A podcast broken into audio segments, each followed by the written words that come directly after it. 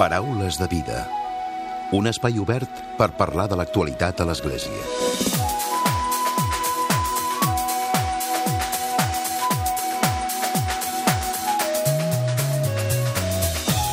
Què tal? Salutacions i molt bon dia, molt bon diumenge. Mans Unides ha posat en marxa la seva campanya anual que té avui diumenge 11 de febrer el seu punt àlgid, ja que es fa la col·lecta a totes les parròquies a benefici dels projectes de lluita contra la fam i la pobresa, als quals hi dona suport Mans Unides arreu del planeta, a l'Àfrica, a l'Àsia i a l'Amèrica Llatina.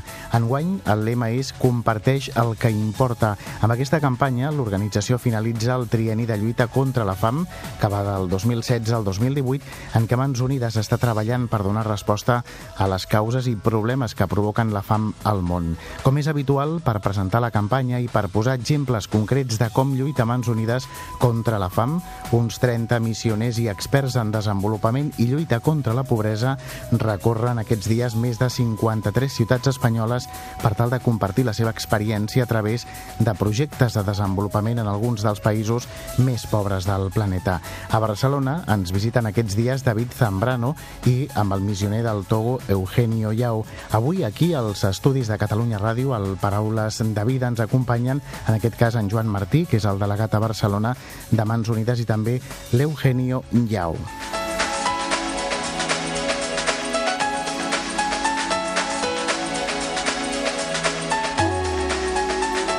I com sempre, a la recta final del Paraules tindrem un nou comentari de l'actualitat de Francesc Romeu. Comencem.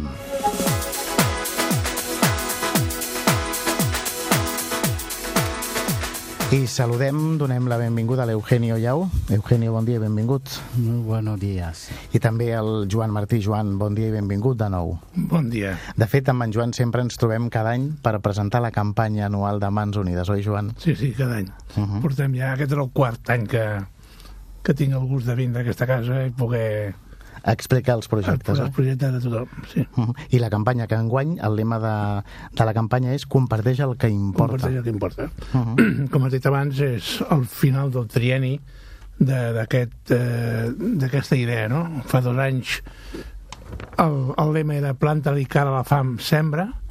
El segon any al món no li fa falta menjar, sinó gent compromesa. O sigui, el primer any hem sembrat, hem recollit, el segon any hem, hem aconseguit més voluntaris i més compromisos i aquest tercer any compartim tot el que hem sembrat i tot el que hem, ens hem compromès amb tothom. Uh -huh. Sembla mentida, Joan, no? I és trist que encara haguem de parlar de campanyes de, amb, aquesta necessitat, no? De sí. lluita contra la fam al món. Sí, hem tingut una tendència els últims anys que ha tornat a pujar la xifra, que segons la FAO eh, del número de milions de persones que havíem rebaixat per sota els, els 8 milions de persones, 8, 800 milions de persones que passen fam al món. El planeta, no? I, el planeta. I aquest any hem, estem, es calcula sobre els 815 milions una altra vegada de gent que passa fam al món. Uh -huh. Molta fam. Per tant, diguéssim que són campanyes, les de Mans Unides, molt necessàries. No? Molt necessàries. De moment sí. De moment sí. Malauradament, no? Malauradament, uh -huh. sí. I aquests dies, com dèiem, i com cada any feu per aquests eh, primers mesos de l'any, porteu missioners, gent que treballa, que col·labora amb vosaltres per donar exemple, no? per exemplificar la feina que feu. Exacte. per nosaltres és molt important la seva vivència, el seu exemple, la seva entrega, i per ells treballem, no? Perquè ells estan allà, al peu del canó, uh -huh. on exactament hi ha, hi ha el problema, hi ha la necessitat. Uh -huh. I per nosaltres i per la societat en general és molt important el seu testimoni perquè ens dona forces i ganes per seguir treballant més. I, sí, per anim, I suposo que per animar també a la gent que col·labora amb vosaltres, per, suposat, no? sí, per donar sí, sí. l'exemple. No? Jo sempre dic que els, el conjunt de Mans Unides no som els 5.000 llargs voluntaris que hi ha a tota Espanya, sinó que també són els socis que ens ajuden a... Sí, són la gent que el segon diumenge de febrer avui, avui, no? avui d'aquí a unes hores quan no unes hores quan anem a missa doncs la seva la col·lecta de les parròquies anirà destinada als tres projectes que aquest any Barcelona directament financem uh -huh. no? això ho, podem, ho poden fer tots els fidels, els feligresos però també la gent que avui ens estigui escoltant i que potser no va a missa però sí que pot entrar a la pàgina de Mans Unides sí. i també fer donatius no? mansunides.org i a través del, de la web nostra pot fer donatius i esperem que en facin molts. Uh -huh. Doncs segur que, segur que en fan. Avui, com dèiem, ens acompanya també l'Eugenio Yao, ell és missioner combonià i ell és el testimoni de... ha estat al Perú, també ha estat a Togo i actualment està a Barcelona. Oi, Eugenio, estás, te encuentras en Barcelona ahora trabajando? Sí, Sí, el, el, trabajo que estamos haciendo ahora en Barcelona es un trabajo de animación misionera. Animación misionera que, que ahora tiene muchas cosas dentro.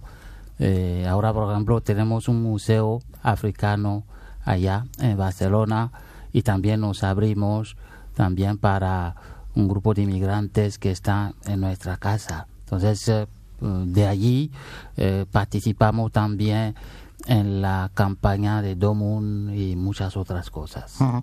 A priori puede parecer contradictorio ¿no? que hablemos de misioneros y que esté en Barcelona, pero también supongo que también hay necesidad, hay mucha necesidad en todos sitios, ¿no? Claro, eh, la situación es cierto, la misión no es solamente para la gente eh, físicamente o social, sociológicamente pobre, es para los que necesitan la buena noticia y creemos que en Barcelona se necesita mucho la buena noticia. Uh -huh. Y estos días dando más apoyo a Manos Unidas, explicando la, la importancia ¿no? de Sí, la lucha sí, contra de el la hambre. lucha contra el hambre. Porque nuestra, el, um, el anuncio del Evangelio, cuando lo hacía Jesús mismo, se acompaña con obras. ¿m? Obras de, eh, por ejemplo, hay que dar de comer también a los que tienen hambre. Entonces, dentro de las situaciones de misión, eh, sea en África, sea en América Latina, encontramos gente que sufren hambre. Eh, sea personas que incluso no tienen nada que comer, algunos que comen muy poco y otros que comen pero solamente la misma comida, ¿eh? la misma comida, por ejemplo, patata o maíz o arroz, y lo que hace que no tiene una alimentación No, equilibrada, ¿no? Sí, sí, Claro. sí. Sí. Eh, yo, nosotros clasificamos también dentro del hambre esa, esas personas también, que pueden ser mm, gordos, mm, mm, eh, llenitos, Obesos, ¿no? Obesos, Por- sí, sí, sí, pero, pero también hay una carencia alimentaria de- en, en- en su, en su régimen. Quizá eso Sí. pasa más desapercibido, ¿no? Sí, Porque sí, puedes ver una persona que Claro. quizá físicamente está bien, y- Claro. pero sí que está eh, o pasando hambre o, o no teniendo una alimentación correcta. Sí, ¿no? sí, sí, sí, sí, sí, es eso. Hablemos también, Eugenio, de ahora estás en Barcelona, pero has estado, como decíamos, en Perú, también en Togo. Eh, ¿Cómo, no sé si se pueden establecer eh, diferencias de cómo, cómo son la- las situaciones son evidentemente muy diferentes, pero supongo que cuando hay necesidad la gente tiene la, la misma reacción, la misma tendencia, Claro, ¿no? claro. Cuando hay necesidad, por ejemplo, el hambre, hay casi la misma, el mismo tipo de reacción que viene. Hay baja autoestima, baja autoestima, la persona que, que, que no tiene que comer eh, tiene un complejo de inferioridad eh, frente a los demás. Y a eso se acompaña, se asocia eh, la violencia, violencia familiar muchísimas veces, también violencia, eh, una cólera que, que tenemos dentro. Y ahí también cuando hay hambre hay también muerte prematura. Si, si vemos los países donde hay hambre, la esperanza de vida es un poco menos que, que, en los otros países. Por ejemplo, aquí en España eh, ahí se, encuentra gente de 80 años con muchísima facilidad. La vez pasada en, eh, en Maresa, la señora que me conducía por aquí por allá tenía 80 años. ¿eh? Y, nosotros 80 años ya eh, se están preparando para la tumba. Justamente es cuestión de alimentación que hace eso. Claro. Y como dice, ¿no? Que el, el problema del hambre lo que hace después es derivar también en otros problemas como el de la violencia, ¿no? A nivel, en el claro, entorno familiar o en el entorno más próximo. Claro, y la, la, sí, eh, los padres se vuelven violentos justamente por una frustración, porque no tiene, no tiene, no, no tiene la posibilidad de alimentar a sus hijos. Y, y ellos creen que están fallando y, y se vuelve y se vuelven violentos. Ujú. De la experiencia en Togo, más de 10 años de misionero, y allí haciendo proyectos para, a- para los jóvenes. Normalmente yo en Togo no he hecho ningún proyecto para los jóvenes, he sido formador. Eh, formador Y entonces cuando, cuando uno es formador, eh, la congregación se encarga de, de, de dar lo que se necesita para esos jóvenes. Pero sí conozco proyectos que, que se ha llevado en nuestra provincia en Togo, un proyecto, por ejemplo, que es un proyecto silvo agroalimentario, que es un proyecto mm, donde hay una hay plantación, hay ganadería y también proye- proyecto que produce alimentar, al- alimento a la gente de, de- de alrededor. Y al mismo tiempo también eh, conozco otro proyecto que está al mismo tiempo entre Togo y Ghana, que es el proyecto de construcción de pozos. Es un proyecto que ha durado desde los años 90 hasta ahora. ¿Son proyectos de Manos Unidas? Eh, ha, ha- ha sido, ha sido financiado al inicio por Manos Unidas. Siguen con esos proyectos ahora los misioneros combonianos. Sí. Para, para, especialmente el proyecto Pozo, ¿eh? para, para sacar Para la agua, extracción del agua. Para, para- para- para la extracción de agua desde, porque nosotros, eh, como estamos alrededor del mar, para sacar agua potable hay que ir muy, muy, muy, muy profundo para poder sacar el agua. Y, y ellos están, están gestionando ese proyecto y es, es buena cosa. Está ayudando a la gente. Beneficia a la població, Sí, sí, claro. Sí, que, sí, sí. Suposo que això és el, precisament, no? O sigui, explicar projectes d'aquest tipus per explicar la campanya, no? Exacte. Joan? Sí. Per nosaltres és molt important el, la contrapart nostra, en aquest cas els missioners comunians que estan en aquesta zona de, de Togo i de Ghana i que ens demanen a nosaltres que els ajudem a la construcció d'aquests pous.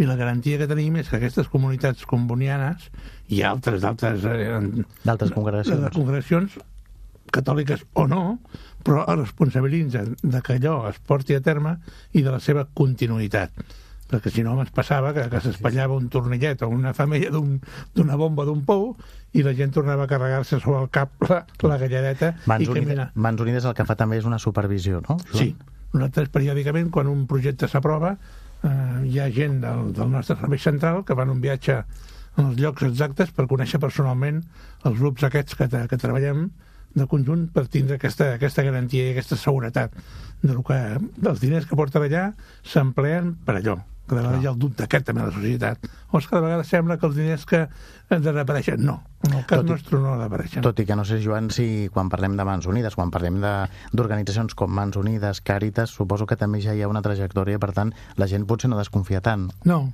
O- Bueno, però se- sempre hi ha la persona que, que sí que desconfia una mica, és un número molt reduït, no?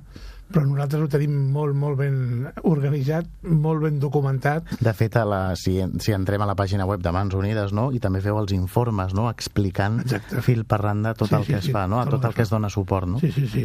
I el grup responsable que ens ha sortit d'allò i el que porta a terme, vull dir, inclús exposem en la pàgina web a l'import del cost d'aquell projecte, projecte. sigui de salut, sigui d'ensenyament, de, d'ensenyament, agrícola, el que sigui, tot ho, ho... Llavors, com que el que es construeix i el que es porta a terme, nosaltres exigim factures del qui ho fa allà, això demostra que, que aquells diners arriben on tenen que arribar i s'empleen per el que es tenen que emplear. Ujú. Eugenio, ¿y ahora cómo es la vida en Barcelona? Eh, para mí, o sea, pues, yo, yo me siento bien. Haciendo la misión, ¿no? Sí, sí, haciendo la misión y, y me siento bien ahí. Eh, cuando no estoy mm, viajando por aquí, por allá, para dar testimonio aquí y allá, eh, ayudamos las parroquias que está, que está alrededor de nosotros, ¿no? Ayudamos y siempre los sacerdotes nos, nos, llaman, nos llaman para venir a celebrar misas y también eh, dentro de eso damos también nuestro testimonio misionero. ¿La figura del misionero o el papel de la misión ha cambiado en el mundo en los últimos años? Sí, ha cambiado mucho. Eh, ¿En qué en- sentido? En el pasado, en el pasado, eh, la misión era simplemente eh, ir hacia afuera, ir hacia afuera, especialmente los países pobres, para convertir a los paganos, convertir a los que no creen en Jesucristo. Ahora la misión eh, ha cambiado mucho porque especialmente nuestro Papa, Papa Francisco, eh, está hablando de las periferias. Y las periferias no se encuentra solamente, uno no necesita viajar miles de kilómetros para encontrar la periferia. Eh, la periferia se encuentra también eh, donde nosotros estamos. Podemos incluso tener la periferia con nuestro vecino. Aquí en, en, en, Cataluña, Barcelona, hay muchos inmigrantes. En, en, en, al interior, por ejemplo, en Vic, eh, en la Seu de Ugel, eh, he visto muchos, muchos africanos que vienen y que sienten bien acogidos. Significa que eh, también la misión se encuentra con esa gente allá. Y, y para mí es, es, es, es, es eso, ¿no?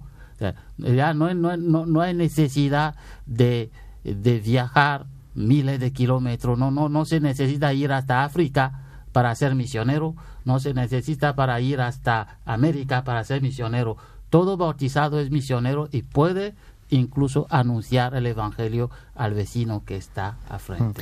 Es decir, que la, la misión es acoger, eh, mirar al, a la persona y ayudar a la persona que tenemos Sí, sí, al sí. lado y supongo que también el, el acompañamiento espiritual, que no sé Claro. si aquí, al haber muchas eh, de muchas nacionalidades, eh, también lo llevan bien, ¿no? Sí, sí, sí. El hecho de que cada uno vive su religión, su fe. Claro, sí.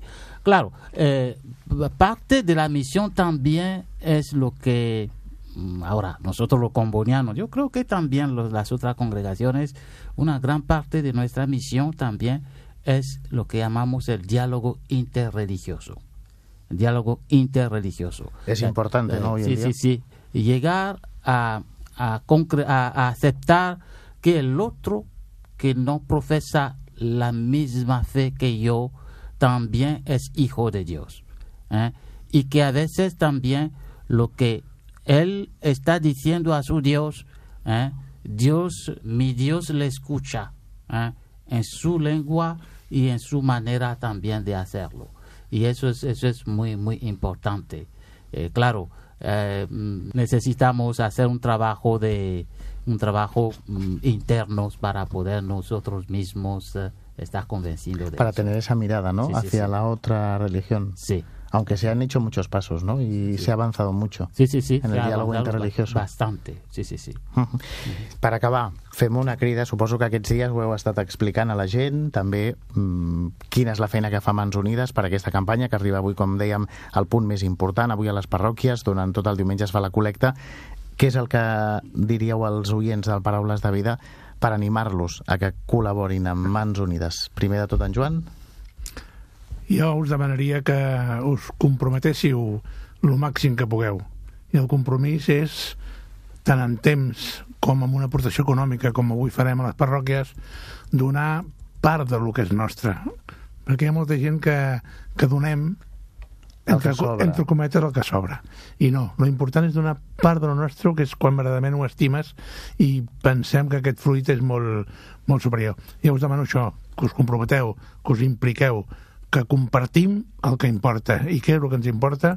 Solucionar el problema de la fama al món i això és el que us demano. Eugenio, muy rápidamente. Sí, eh, compartir también eh, las actitudes, una actitud de solidaridad. Hay que también eh, llegar a sentirse en los zapatos o en los pantalones de esa Ponerse gente. en la piel de las otras ponerse en personas. la piel de esas personas que sufren hambre. Eh, Eugenio i Joan, gràcies per haver-nos acompanyat. Gràcies I a vosaltres. A reveure. Paraules de vida. Solidaritat i compromís. I tot seguit arriba el comentari de l'actualitat de Francesc Romeu. Francesc, molt bon dia. Molt bon dia a tothom. Dilluns passat a la tarda vaig poder assistir a dos actes per exercir de periodista, és a dir, prenent nota per explicar-vos-els a vosaltres. El primer d'ells va ser un cafè amb el periodista italià expert en temes del Vaticà, Andrea Tornielli, convidat per l'Observatori Blanquerna de Comunicació, Religió i Cultura. El periodista Tornielli és director del blog digital Vatican Insider, un dels més ben informats sobre la Santa Seu.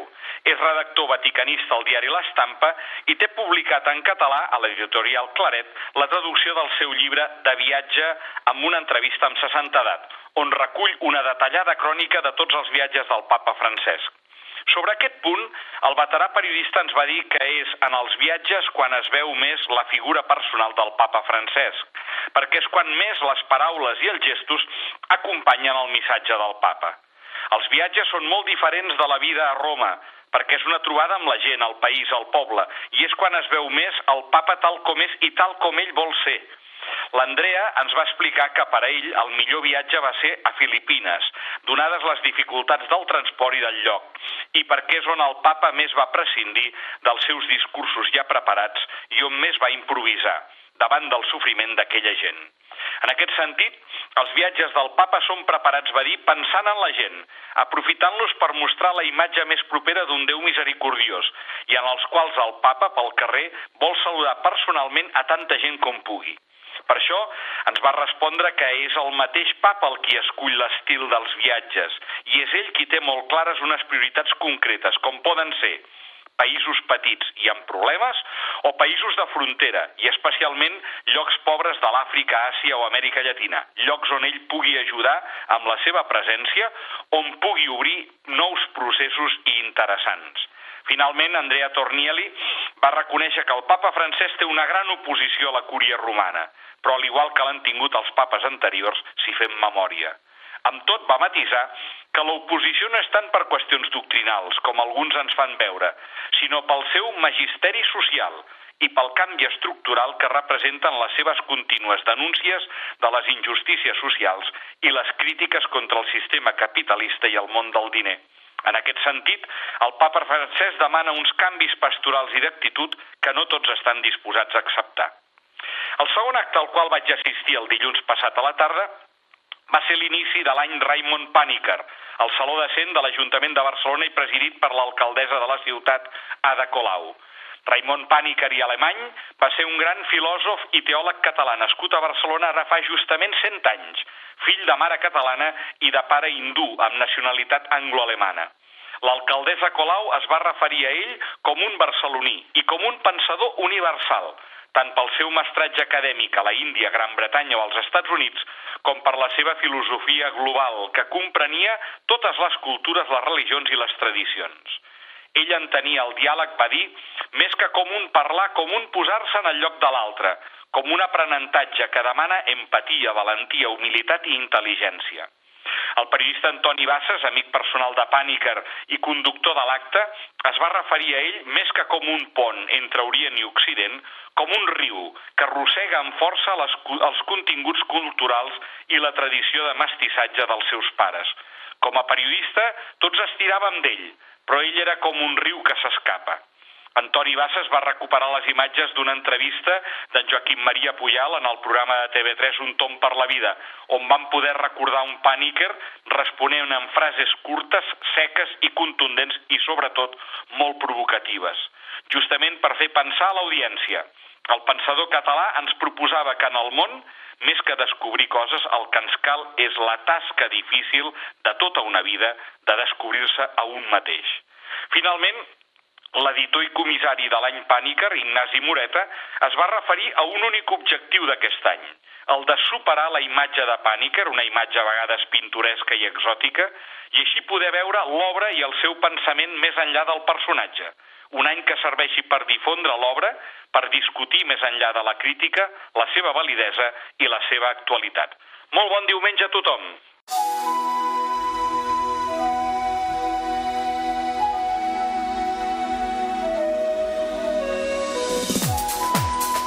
Fins aquí el Paraules de Vida d'aquest diumenge. El Blai Iniesta ha estat el control tècnic i qui us ha parlat l'Emili Pacheco. Que passeu bon diumenge i una molt bona setmana.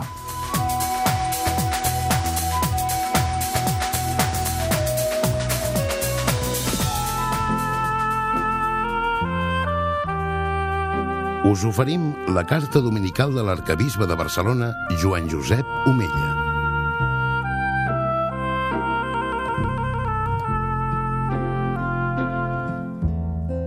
Déu vos guard. El proper 14 de febrer s'escau el dimecres de cendra, que marca l'inici de la quaresma. Uns dies abans que hi arribem, he recordat un article sobre la quaresma que va escriure l'any 1993 qui fou bisbe auxiliar de Barcelona, Joan Carrera, que començava així. Acabo de veure a la televisió un petit reportatge sobre el ramadà amb imatges d'islàmics postrats i amb una detallada explicació de les dificultats que tenen els seguidors de Mahoma que viuen aquí per agermanar el seu dejuni amb el nostre tipus de vida. Se m'ha acudit que potser també caldria un petit reportatge sobre la quaresma per als cristians. N'hi ha tants que només se la miren des de la perspectiva del carnaval. La dimensió penitencial està molt més estesa en el nostre dia a dia del que es podria semblar. Quanta gent no fa grans sacrificis per mantenir la línia o quanta gent no va al gimnàs per tenir un cos atractiu o quanta gent no treballa i estudia hores i hores per assolir un reconeixement professional o, quantes, o quants esportistes no porten la seva persona al límit per aconseguir un premi. Nosaltres, els cristians, no ens estalviem aquest camí necessari per al creixement interior i personal. Ara bé, hi ha un element fonamental que diferencia les nostres pràctiques penitencials de totes les altres. Em refereixo a la finalitat amb què les fem. Sí, la nostra finalitat és recentrar la nostra vida a la llum de la nostra relació i seguiment de Jesucrist, deixant de banda tot allò que ens allunya d'aquesta meta.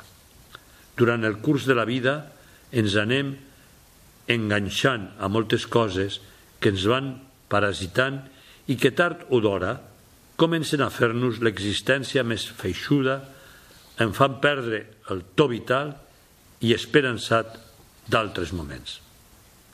La quaresma és, doncs, aquest temps de purificació per tornar al que és essencial en la nostra vida, per retrobar tot allò pel que realment val la pena viure sense perdre el temps en coses secundàries. Que bé ens va aquest temps de reorientació de la nostra vida. I com fer-ho? Algunes de les eines que ens ofereix l'Església són la pregària i els exercicis espirituals, les litúrgies penitencials, les privacions voluntàries com ara el dejuni i l'almoina i la comunió cristiana de béns. Us convido, i em convido a mi mateix, a iniciar aquest temps de quaresma amb molta força, conscients de tots els beneficis que pot tenir sobre la nostra vida personal i espiritual. Per aquest motiu, i com ja vam fer l'any passat, hem convocat tots els joves de la diòcesi el proper diumenge 18 de febrer a dos quarts de set del vespre a la Basílica de Santa Maria del Mar, a una trobada molt especial que culminarà amb la celebració de l'Eucaristia. Si l'any passat va ser la Creu de Lampedusa la que ens va presidir i vam poder venerar, enguany serà la Creu de Mossul. Aquesta creu prové de l'església de Sant Simó de Bartella, a les afores de Mossul, Iraq, destruïda per l'estat islàmic, on el Nadal passat els cristians van poder tornar a celebrar l'Eucaristia. Una creu que, malgrat el dolor i el patiment de tanta gent d'Iraq i Síria, ens ha de portar a l'esperança per fer de recordar-nos que l'amor i el perdó acaben vencent l'odi i la violència. Deia Benjamin Franklin, després de les derrotes i de les creus, els homes es tornen més savis i més humils. La creu és el misteri dolorós que quan ens arriba ens fa trontollar, però que portada de la mà de Crist és font de vida, de transformació. Acabo amb unes paraules de Santa Rosa de Lima. Fora de la creu no hi ha cap altra escala per on pujar a Déu. Germans i germanes, molt bon inici de Quaresma. Us hem ofert la carta dominical de l'arcabisbe de Barcelona, Joan Josep Omella.